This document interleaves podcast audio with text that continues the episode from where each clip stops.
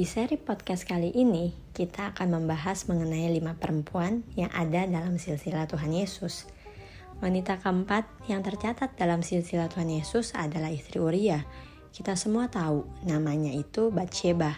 Tapi di bawah kedaulatan Allah, Allah mencatat istri Uria bukan Batsheba untuk menunjukkan dosa besar Daud yang mengambil istri Uria.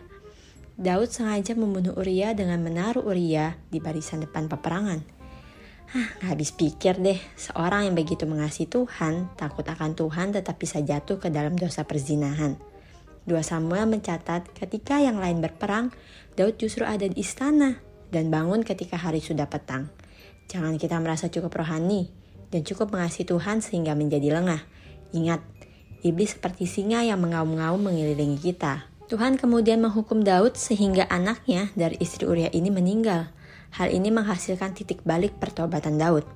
Dari titik balik pertobatan Daud inilah kemudian ia dan Bathsheba melahirkan seorang Salomo.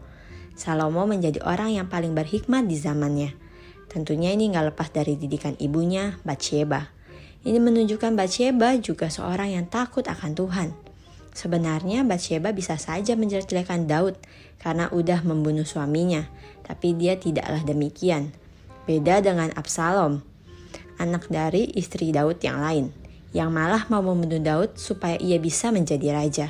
Absalom membunuh semua anak-anak Daud dan mengambil gundik-gundiknya Daud di depan banyak orang.